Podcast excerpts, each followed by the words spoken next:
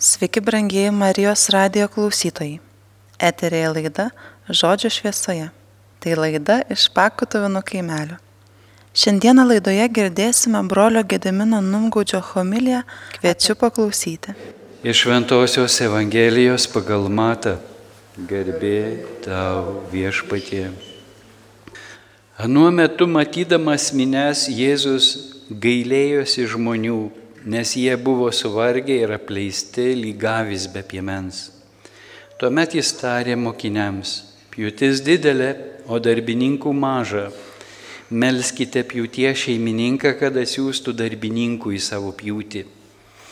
Pasišaukęs dvylika mokinių, Jėzus suteikė jiems valdžią netyrosioms dvasioms, kad išvarinėtų jas ir gydytų visokias lygas bei negalės dvylikos apaštalų vardai.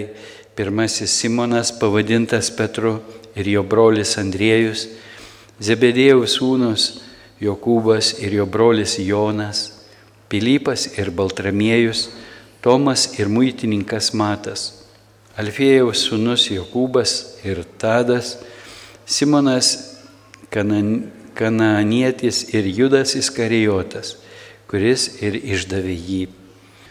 Šituos dvylika Jėzus išsiuntė, duodamas jiems nurodymų. Nenuklyskite pas pagonės ir neužsukite į samariečių miestus. Verčiau lankykite pražuvusias Izraelio namų avis. Eikite ir skelbkite, jog prisertino dangaus karalystė. Gydykite ligonius, prikelkite mirusius, apvalykite raupsuotus išvarinėkite demonus. Dovanai gavote, dovanai ir duokite. Viešpaties žodis. Kokiagi mintis, kaip raudonas siūlas būtų atpažįstamas per visus šios dienos skaitinius, kuriuos bažnyčia pasirinko, tikime dvasios vedama, kad šiandien apmastyti šiuos tekstus Iš išėjimo knygos girdėjome, kaip viešpats išsirinko žydų tautą, kaip jis juos gelbėjo iš Egipto vergyjos. Jūs matėte, ką padariau egiptiečiams, kaip nešiau jūs ant erelių sparnų ir pas save jūs atsivedžiau viešpats prilygina nešimą ant erelio sparnų, toks va, įspūdingas, romantiškas, didingas vaizdelis. Taip viešpats išsireiškia, lygindamas tai, ką jis padarė su Izraeliu, išvesdamas juos iš Egipto vergyjos, vesdamas per dykumą, globodamas juos toje dykumoje. Nešiau jūs ant erelių sparnų ir pas save jūs atsivedžiau. Atsivedė pas save. Tartum jis gyventų Sinajaus kalnyne prie Horebo kalno, kaip žinom, kur viešpat sudarė sandorą sutartį su žydų tauta. O dabar, jei paklusite mano balsui ir laikysitės mano sandoros, jūs būsite mano nuosavybė. Jei paklusite mano balsui ir laikysitės mano sandoros, jūs būsite mano nuosavybė, brangesnė man už visas kitos tautas. Iš tikrųjų man priklauso visa žemė, bet jūs būsite mano karališka, mano kunigiška karalystė ir šventa tauta. Ir ko gero visos tautos dėl to pavydė žydams ir pyksta ant žydų ir nekenčia galbūt mūsų žmogiškom akim jie keisti, e, pagal mūsų supratimus, kaip turėtų atrodyti šventa tauta, jie juokingi su savo šventumu, ne? su tais nekirptais peisokais, e, nekirptais plaukais, kaip sakant, kaip priklausomybės Dievui ženklas, išskirtinumas, pat tame šventumas. Šventas tai reiškia kitoks. Mums šventumas asocijuojasi su herojiškos meilės darbais, bet Biblijoje vat, šventumas yra priklausomybės Dievui ženklas. Priklausau Dievui, esi Dievo nusavybė, esi šventas, esi kitoks, laikydamasis Dievo įsakymų, kurie ne visi logiškai paaiškinami. Kodėl nekirpt peisukų, pavyzdžiui? Juk labai nepatogu. O čia kitokie. Ir juokingai atrodo kartais. Į nieką, jie pripratę, jiems gerai, jie didžiuojasi, o mums atrodo keisti. Dar daug kitų keistų dalykų, kaip maisto racionas, stalas, daug delikatesų, kuriuos mes labai mėgstam, jiems yra rituališkai nešvarus ir negali valgyti dėl to, kad galėtų būti Dievo nusavybė, kad galėtų vaikščio Dievo akivaizdoje būdami rituališkai švarus. Nelengvas pašaukimas būti šventu, būti kitokiu dėl Dievo. Ir ką reiškia karališka arba kunigiška karalystė, arba karališka kunigystė, kunigiška karalystė. Žinom, kad visi žydų vyrai turėjo kunigystės galę. Egipte kiekvienos šeimos tėvas buvo įpareigotas aukoti Dievui auką, kas priklauso Dievui, kas priklauso kunigui, aukas Dievui aukoti, atstovauti tautą prieš Dievą, užtariant tautą, melžiantis už tautą ir panašiai. Tiesa, šitą privilegiją jie prarado, kai ten pat Sinajuje pasidavė provokacijai, pagundai ir nesulaukdami Mozės, nesulaukdami tolimesnių kaip gairių gyvenimo krypties, kur eiti, ką daryti, jie pasidirbino savo į Egipto dievus panašų dievą, veršį, jam priskyrė, ko gero, Jagvės vardą ir garbino tą veršį, veršis jautis galingiausias gyvūnas tikriausiai, na, galėjo dramblį kokį nors dar gal, ar raganosį ar begemotą pasidaryti. Irgi galingi žvėris, nu bet vat, jautis artimiausias toks, ko gero. Ir ko gero vienas iš Egipto kokiu nors dievukų įspūdingų. Užrūstino viešpatyje šituo savo nekantrumu, neištikimybę ir prarado tos kunigystės, visuotinės kunigystės galę kurią mes šiandien, tarp kitko, keistu tokiu vat, apsisukimu, gaunam iš Dievo per krikštą, kiekvienas ir vyrai, ir moteris, per krikštą gaunam karališką, kunigišką, pranašišką patepimą, kurio, ko gero, nelabai suprantam, ką su juo daryti, kaip jį valgyti, kaip jį naudoti. Va, reikėtų domėtis, kaip tą dovaną Dievui išvystyti savo gyvenime, ypač vyrams, savo šeimoje, liūdijant angiškojo tėvo meilę, duodant maldos pavyzdį. Na, mamos dažnai aplenkia tėčius šitoj namų kunigystėje, ne, su vaikų auklėjimu ar malda, o kažkaip, ko gero, turėtumėm būti kaip vienas, kartu,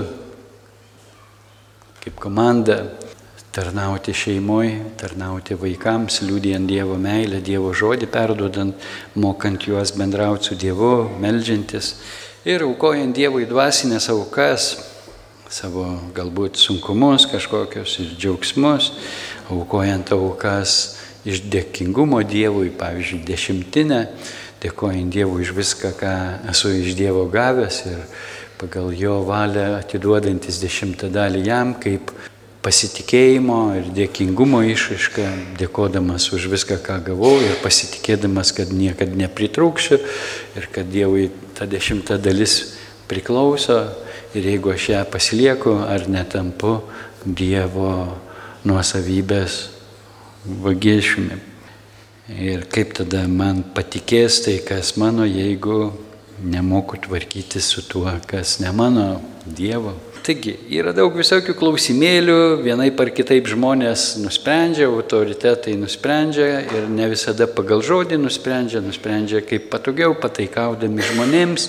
Ir todėl mes neturim prarasti kritinio mąstymo ir patys tenktis ieškoti to asmeninio Dievo pažinimo, jo žodžio ir jo vedimo savo gyvenime, kad nebūtume kartais melagingai paguosti ir užliuliuoti patogiam gyvenimui. Viešpats, kaip matot, žydų tautą vedė per išbandymus, per sunkumus ir žmonės dėjavo, o, o viešpaties akivaizdoje tai buvo kaip skrydis ant erelio sparnų. Ne? Vat, įdomus santykis. Kaip Dievas mato reikalą ir kaip žmonės mato tą reikalą. Kas norėtų šiandien paskraidyti ant erelio sparnų? Turėsit reikalų. Nuotikiai garantuoti. Taigi, kodėl šiandien svarbu mums apie tai galvoti ir vat, kodėl mes katalikų bažnyčioje skaitom šitą tekstą, kaip Dievas išsirinko žydų tautą. Nors žinom, kad bažnyčioje vėliau įsigalėjo klaidingas mokymas kad dabar bažnyčia iš tautų naujas Izraelis ir kad žydų tauta nurašyta, nors Dievas prisiekė amžiną meilę, kaip čia jis dabar persigalvojo. Kažkas vėlgi už Dievą, apie Dievą nusprendė, ką jis myli, ko nemylis, su kuo jis įskyrė, su kuo dabar gyvena. Paties Dievo žodžio ne visada paiso, bet šiandien mums atviriems, išsižadėjusiems pakeitimo teorijos katalikams. Šitas tekstas mus džiugina, nes jis liūdėja apie Dievo ištikimybę. Jeigu Dievas ištikimas žydų tautai, po visų nesusipratimo, po žydų tautos mūsų požiūrių, klaidų, širdies užkietėjimo ir panašiai, nepaisant to, jeigu Dievas juos ir toliau myli, Tai yra didelė paguodos žinia, vilties žinia, kad ir mūsų suklydusių, susimovusių, žiauriai susimovusių viešpats pasigailės, neatsižadės, bet išgelbės, kad jis ir mus myli, nepaisant mūsų klaidų. Ar mes mažiau susimovę už žydus? Nemažiau. Tik kiekvienas kitaip. Taigi Šiandien Dievo žodis mums kalba apie ištikimą Dievo meilę.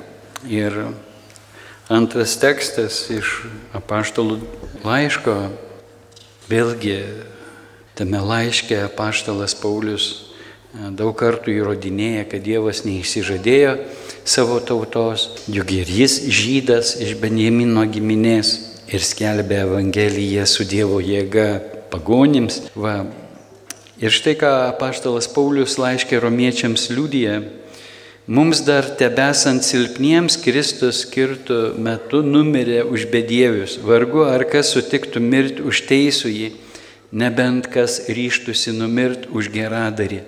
O Dievas mums parodė savo meilę tuo, kad Kristus numirė už mus, kai tebe buvome nusidėjėliai.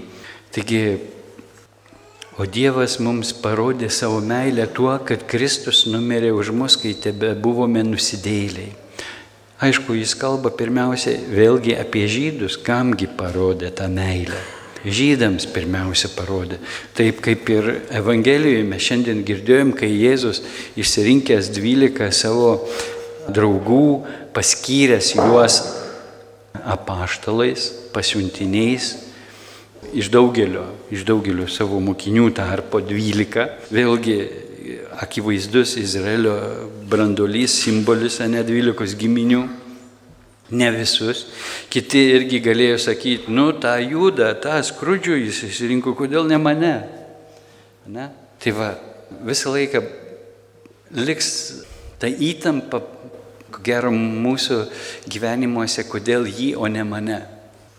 Tiesą sakant, aš dažnai klausiu Dievo, Dieve, kodėl mane išsirinkai, o ne, va, yra žymiai kompetitingesnių, labiau įsilavinusių ir dar atminti turinčių žmonių, va, aš nei atminties turiu, nei mokslų, nei popierių jokių neturiu, kaip sakant, telšių seminariją baigiau nei bakalauro neturiu, nei nieko, nu, būtų lygų telšių kunigų proftechninę baigiau va, ir daugiau, kaip sakant, neprasistūmiau, bet tu pasirinkai mane ir vedžioji mane po pasaulį, rodai man įvairius dalykus, suvedi mane su rimtais žmonėmis tavo karalystėje, pasodini, kaip sakant, tarp didžiūnų ir leidi man pamokslauti ir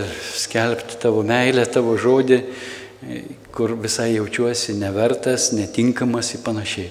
Ir va, tu daryk, ką nori, jis pasirenka, ką nori, kur nori, kaip nori. Ir čia jis 12 išsiuntė ir vėlgi jis sako, nenuklyskite pas pagonės ir neužsukite į samariečių miestus, verčiau lankykite pražuvusias Izraelio namų avis. Eikite ir skelbkite, jog prisartino dangaus karalystė, gydykite ligonius, prikelkite mirusius, apvalykite raupsuotus, išvarinėkite demonus, dovanai gavote ir dovanai duokite. Štai kokia užduotis tiems, kuriuos Jeruzalės kilimingieji graikiškai vadino idiotos agromatus. Tokie beraščiai praščiokai. Idiotos, mes atsimenam, turim versiją lietuvišką idiotas, ne? Nors pas Dostojevskį tas idiotas visai simpatiškas. Va, bet va tokiais laikė apaštalus, kurie buvo žvėjai, neturėjo kada raštų studijuoti, kaip sakant, sinagogoje, jeigu sekmadienį pasirodydavo gerai, O tai žiūrėk dar ir kokį šabą bus pažeidę. Prisimenat filmą, neblogai ten Petras seka fariziejai, ar jis šabo nepažeidė, penktadienį neišplaukė žvejoti kartais. Taigi tuos vyrukus viešpats pasirinko, nu, buvo tarp jų vienas ir išsilavinęs. Prisimenat, kas? Vienas toks muitininkas, biškis skaičiuoti mokėjo ir gal rašyti mokėjo, gal dar ne vieną kalbą. Va, bet buvo daug kitų mokinių ir slaptų mokinių ir tokių kaip Nikodemas ir panašiai, bet štai pasirinko šituos, jiems suteikė tokius neįprastus įgaliojimus, kad ne savo žmogiška jėga, ne savo žmogiškais gabumais, bet su Dievo jėga liūdytų Dievo žodį, Dievo pažadą, Dievo meilę kad Dievas yra su tais, kurie laikomi pražuvusiais. Ką žino, ar jie save laikė pražuvusiais, čia kitas klausimas. Manau, kad e, žydai nelaikė galbūt savęs pražuvusiais, nes taip jau tyrinėtojai sako, kad Jėzaus laikais ypatingai klestėjo religinis gyvenimas Izraelį ir labai klestėjo ta mesianinė idėja, laukimas mesijoje, panašiai ir susidomėjimas dvasiniu gyvenimu, kas dažnai, ko gero, atsitinka, kai mes būname prislėgti okupanto, vergyjos, kai, kai, kai esam persekiojami, mūsų religinis gyvenimas dažnai suaktyvėja, nors dėja, nors ir vyksta žiaurus karas, ne visiems padeda ir šiandien, nepadeda ieško Dievo, lankėmės va ir su Agne Aidu buvom išvažiavę dvi savaitės Ukrainoje. Tris kartus teko mums lankytis ligoninėje ir lankyti ukrainiečių karius. Daugelis yra atviri maldai, užtarimui, pokalbėms apie Dievą.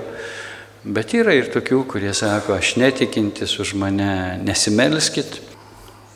Buvo vienas toks karininkas, kuris sako, aš netikiu, bet Galit už mane melstis, aš nieko prieš, kad už mane melstumėtės.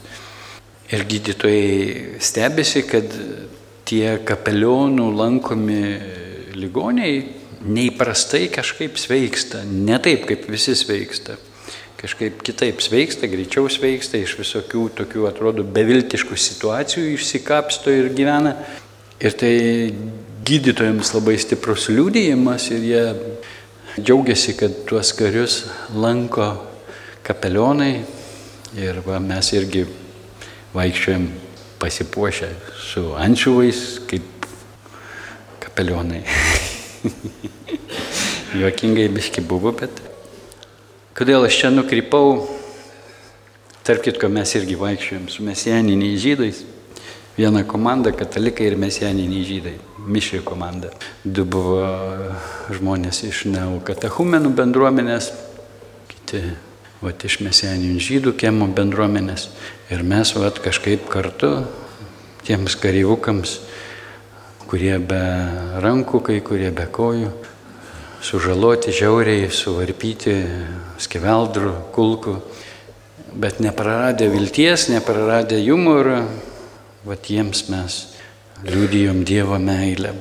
Tie kapelionai kiekvieną kartą su ryšuliais, visokių dovanų, vaikų, ten visokių pridarytų darbelių su patriotinė simbolika Ukrainos ir su vaišėmis, piragaičiais, visokiais ten visus apdalina, kam kokių pampersų, kam kokių priemonių, viskuo. Ne karo ministerija rūpinasi, ne gynybos ministerija rūpinasi, bet vat, civiliai gyventojai mobilizuojasi ir rūpinasi savo kariais neišpasakytai tikrai nustebino mane tas uolumas, tas atkaklumas, lankymo dažnumas ir, ir tų kariškių atvirumas, personalo atvirumas.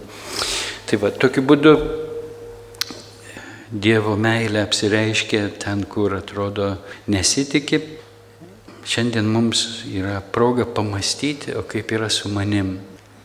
Ar aš esu kartu su tais, kuriuos viešpats išsirinko, ar aš noriu būti vietoj jų.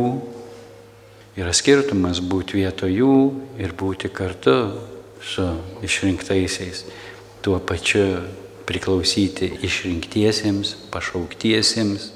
Ir galbūt ne visi pašaukti yra išrinkti.